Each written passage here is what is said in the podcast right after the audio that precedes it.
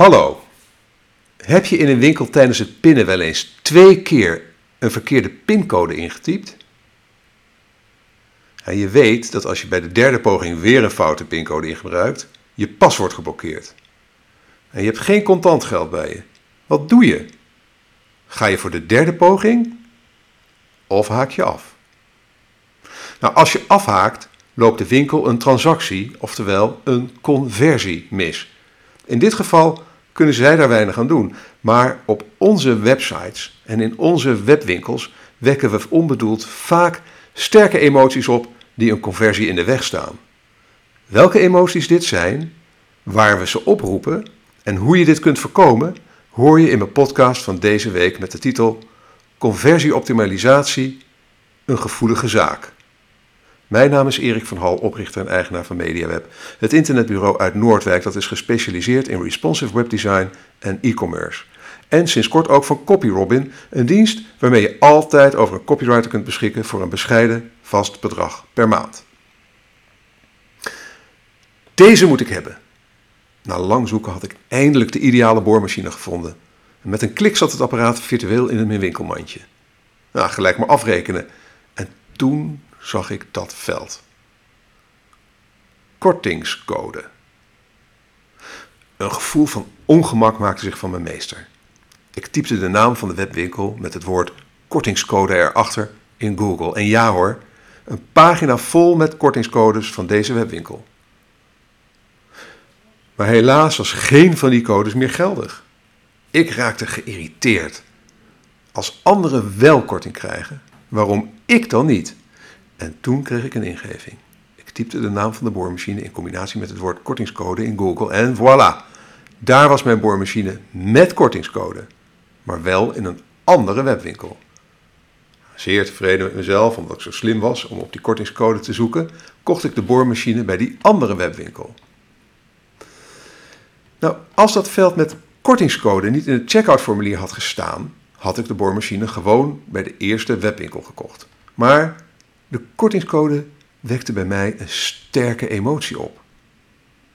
Namelijk de angst om een slechtere deal te krijgen dan een ander. De eerste webwinkel liep door mij te wijzen op een mogelijke kortingscode in de checkoutpagina niet alleen een conversie mis, ze stuurde me zelfs indirect naar een concurrent. Nou, dat kon toch nooit de bedoeling zijn van die kortingscode? Nou, de moraal van dit verhaal Goede conversieoptimalisatie houdt rekening met de emoties van de bezoeker. Want als het om aankopen gaat, wint de emotie het meestal van het verstand. Daar is een duidelijke verklaring voor. We kopen met ons gevoel, waarna we de aankoop voor onszelf en onze omgeving goed praten met ons verstand. In de blogpost van deze week heb ik een video geëmbed waarin Victor Lamme hoogleraar en hersenonderzoeker bij de afdeling psychologie van de Universiteit van Amsterdam, op ludieke wijze aan komiek Guido Weijers uitlegt, uitlegt hoe het werkt. Dus daar zou ik zeker even gaan kijken als je daarvoor in de gelegenheid bent. Maar hoe had de eerste webwinkel kunnen voorkomen dat ik mijn winkelmandje verliet? Juist, door me de weg te wijzen naar een geldige kortingscode en daarmee naar een positief gevoel van dankbaarheid en tevredenheid. Een simpel linkje met de tekst: Ik wil ook een kortingscode naar een pagina waar ik een kortingscode kon aanvragen in ruil voor mijn e-mailadres was genoeg geweest. Bovendien had de webwinkel dan de mogelijkheid om mij te benaderen met een aanbieding in het geval dat ik om wat voor reden dan ook alsnog mijn aankoop niet zou voltooien. Nou, de belangrijkste conversieblokkerende emoties zijn angst, boosheid, verwarring en irritatie. Hieronder geef ik aan welke veelgemaakte fouten elke emotie oproepen en hoe je dit het beste kunt voorkomen. Begin met de emotie angst.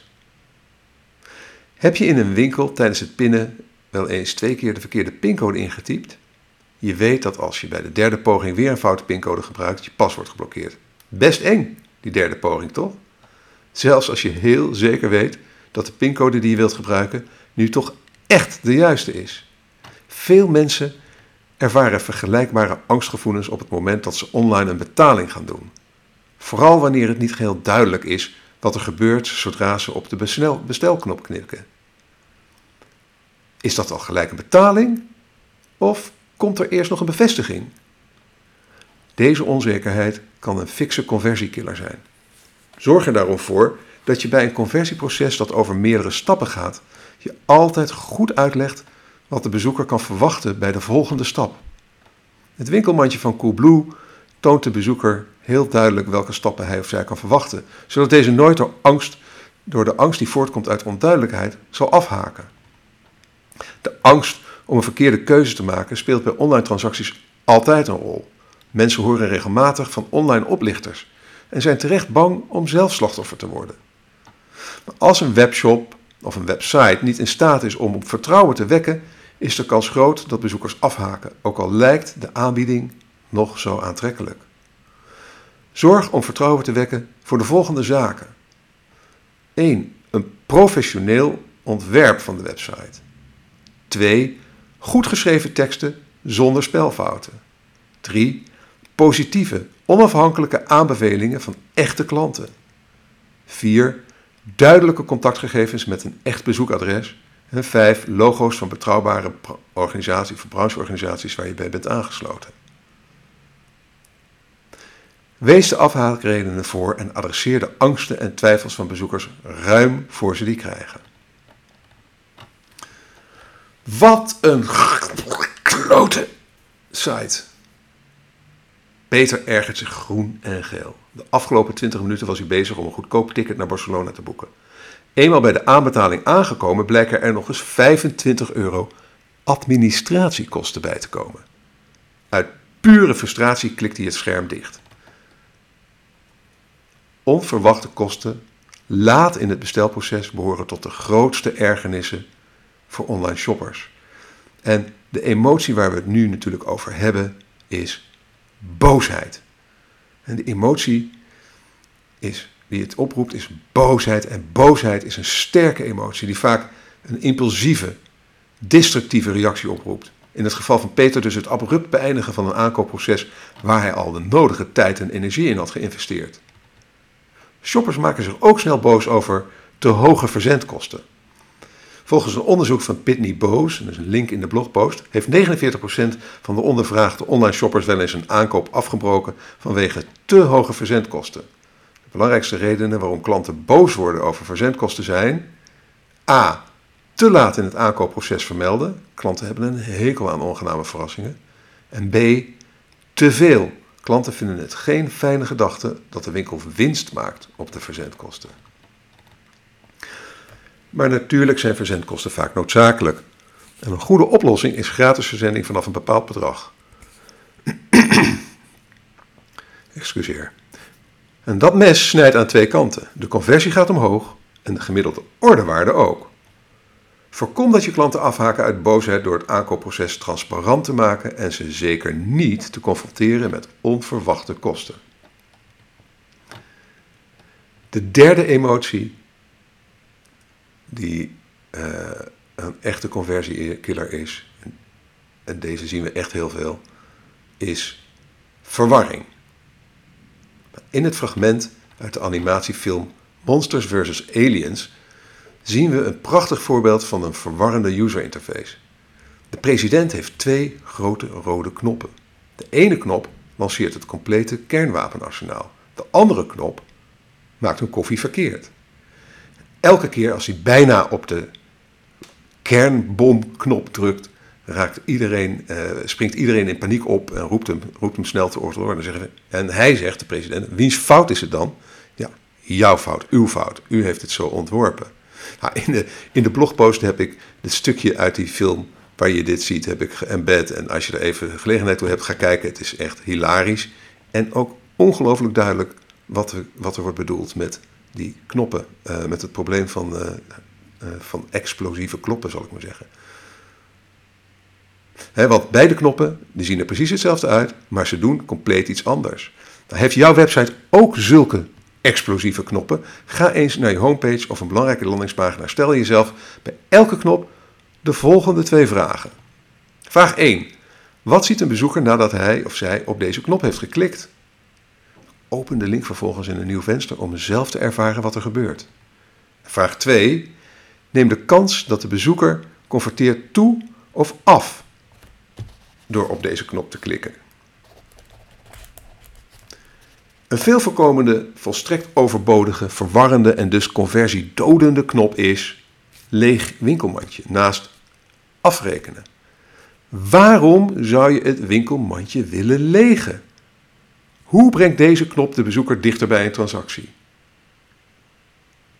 Een ander voorbeeld is de knop WIS naast verzenden. Nou, als het helemaal tegen zit, staat de WIS-knop rechts onder het formulier. Hoe vaak ik daar per ongeluk op heb geklikt, volstrekt overbodig en zeer verwarrend.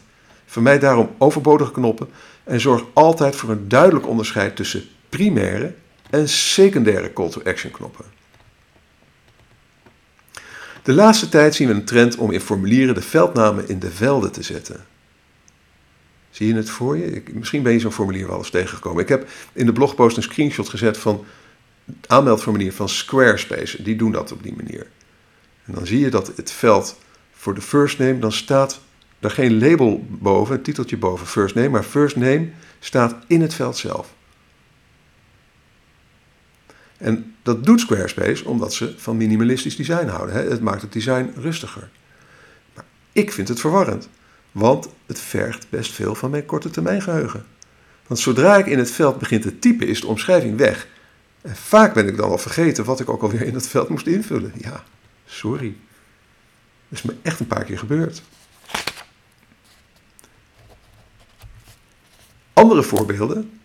Het, een mobiel hamburgermenu in een desktop-site. Onnodige drop-down menus, waardoor de bezoeker eerst moet klikken om te zien welke opties hij of zij heeft. De usability expert Jacob Nielsen die zegt hierover: Minimize the user's memory load by making objects, actions and options visible. dus dit drop-down menu, als het niet nodig is, als de dingen die erin staan ook zichtbaar op de pagina geplaatst kunnen worden, doe dan dat laatste. The user should not have to remember information from one part of the dialogue to the other. In de blogpost staat ook een linkje naar een artikel van Jacob Nielsen met nog veel meer tips. Goed, voorkom zoveel mogelijk verwarring op je webpagina's door ervoor te zorgen dat bezoekers altijd precies weten waar ze zijn en wat ze kunnen doen. Handige hulpmiddelen daarbij zijn breadcrumbs, pagina headers, interactieve menu-items, voortgangsbalken en bevestigingspagina's. Ook handig, houd je aan bestaande conventies. Denk daarbij aan het plaatsen van veel voorkomende navigatie-elementen op de plek waar dat inmiddels gebruikelijk is, zoals bijvoorbeeld een zoekveld en een login-link rechtsboven. Een logo met link naar de homepage linksboven en de link naar een contactpagina als meest rechter menu-item bij een horizontaal menu. Verwijder in winkelmandjes en andere pagina's die tot doel hebben een transactie te genereren, zoals de inschrijving voor een mailinglist, alle onnodige links die de bezoeker kunnen wegleiden van de conversie. Dus doorloop zelf het transactieproces en vraag je bij elke link die je ziet af of een klik op die link de bezoeker kan wegleiden van de conversie en of die link op die plek wel strikt noodzakelijk is. Zo kun je overwegen om op transactiepagina's bijvoorbeeld de hoofdnavigatie gewoon helemaal weg te laten. De bezoeker die zit dan echt in een trechter met maar één uitkomst, de conversie. Valt het up-to-date houden van je website je zwaar? Met CopyRobin heb je altijd een webredacteur of copywriter bij de hand vanaf 79 euro per maand. Probeer het nu gratis uit. Ga daarvoor naar copyrobin.nl. C-O-P-Y-R-O-B-I-N.nl en plaats een gratis proefopdracht. Dan komen we nu bij de vierde, de laatste en vierde emotie die eh, een, een, een echte conversiekiller is. En dat is irritatie. Sanne zit op haar werk en bezoekt de webshop van een bekend lingeriemerk. Plotseling galmt er muziek uit de speakers van haar computer. Ze kijkt verschrikt om zich heen. Haar collega's staren haar misprijzend aan. Haastig zoekt ze naar de boosdoener. Het is een automatisch afspelende video met geluid van een recente tv-commercial van het kledingmerk. Met het schaamrood op de kaken klikt ze de hele browser dicht. Het kledingmerk heeft een potentiële klant minder en Sanne voelt zich zwaar opgelaten en vooral zeer geïrriteerd. Ja, alles wat de controle wegneemt van de bezoeker zorgt namelijk voor irritatie. Denk aan pop-ups die in de weg zitten. Autoplay video en audio dus. Autoplay video met geluid dan vooral. Automatische carousels. Veel van dergelijke toepassingen hebben juist de bedoeling om conversies te verhogen. En er zijn talrijke statistieken die deze gedachte lijken te ondersteunen. Maar de snelle groei van het aantal gebruikers van adblockers lijkt aan te, geven dat de werkelijkheid anders is. In de video hieronder kun je zien hoe je in Google Chrome autoplay functies kunt blokkeren. Dus in de video, in de blogpost dus, geëmbed. Een conversie krijg je niet door iemand te irriteren. Maar aan de andere kant wil je bezoekers natuurlijk wel een duwtje in de goede richting geven. Want uit zichzelf denken ze er wellicht niet aan om zich in te schrijven voor je nieuwsbrief. Experimenteer daarom gerust met vriendelijke aandachtstrekkers. Wij doen dat ook met een bescheiden roze balk die na enig scrollen onderaan de pagina in beeld schuift. Heb je die wel eens gezien? Vond je hem irritant? Oké, in dat geval laat het ons weten via een mail aan info.media.nl of via de livechat onderaan de, de webpagina. Ook heel irritant vinden bezoekers websites die traag zijn. Zeker op een wat langzamere mobiele verbinding. Voor Google is snelheid niet voor niets een ranking signal. Test je website dan ook met Google PageSpeed Insights, link in de blogpost, en optimaliseer de laadtijd en snelheid van je website. Want elke seconde of tiende van een seconde snelheidswinst merk je in je conversieratio. Vaak liggen de snelheidsoptimalisaties voor het oprapen. Lees voor de beste snelheidsoptimalisaties tips in onze eerdere blogpost Zin en onzin van Google PageSpeed Insights. Link in de blogpost van deze week. Ik heb ook een kijktip in de blogpost gezet. Um, en dat is uh, een, een, een, uh, heet het, een presentatie van Talia Wolf. Pulling the Emotional Trigger, Psychological Tactics to Convert Your Leads into Customers. Zeer de moeite waard om naar te kijken. Nou, dan ga ik nu afronden. Emoties spelen een doorslaggevende, rol bij alle transacties, dus ook online. Bij een persoonlijke ontmoeting kun je de gevoelens van de klant meestal wel inschatten aan de hand van hun gedrag. Dat stelt je in staat om een afhakende klant alsnog aan boord te houden. Maar online heb je die luxe niet. De bange, boze, verwarde of geïrriteerde klant is met één klik vertrokken. Zorg er daarom voor dat je website optimaal rekening houdt met de gevoelens van de bezoekers. Dat is wellicht de beste vorm van conversieoptimalisatie die er bestaat. Nou, bedankt voor het luisteren. Als je graag op de hoogte blijft, schrijf je dan in op onze nieuwsbrief via bit.ly slash mediaweb-nieuwsbrief. Je kunt dan bovendien gratis deel 1 van mijn e-book Online Marketing Checklist editie 2015 downloaden. En als je met plezier hebt geluisterd, laat dan een review achter bij SoundCloud of in de reacties onder de blogpost op onze website. Alvast weer heel erg bedankt en graag tot de volgende keer.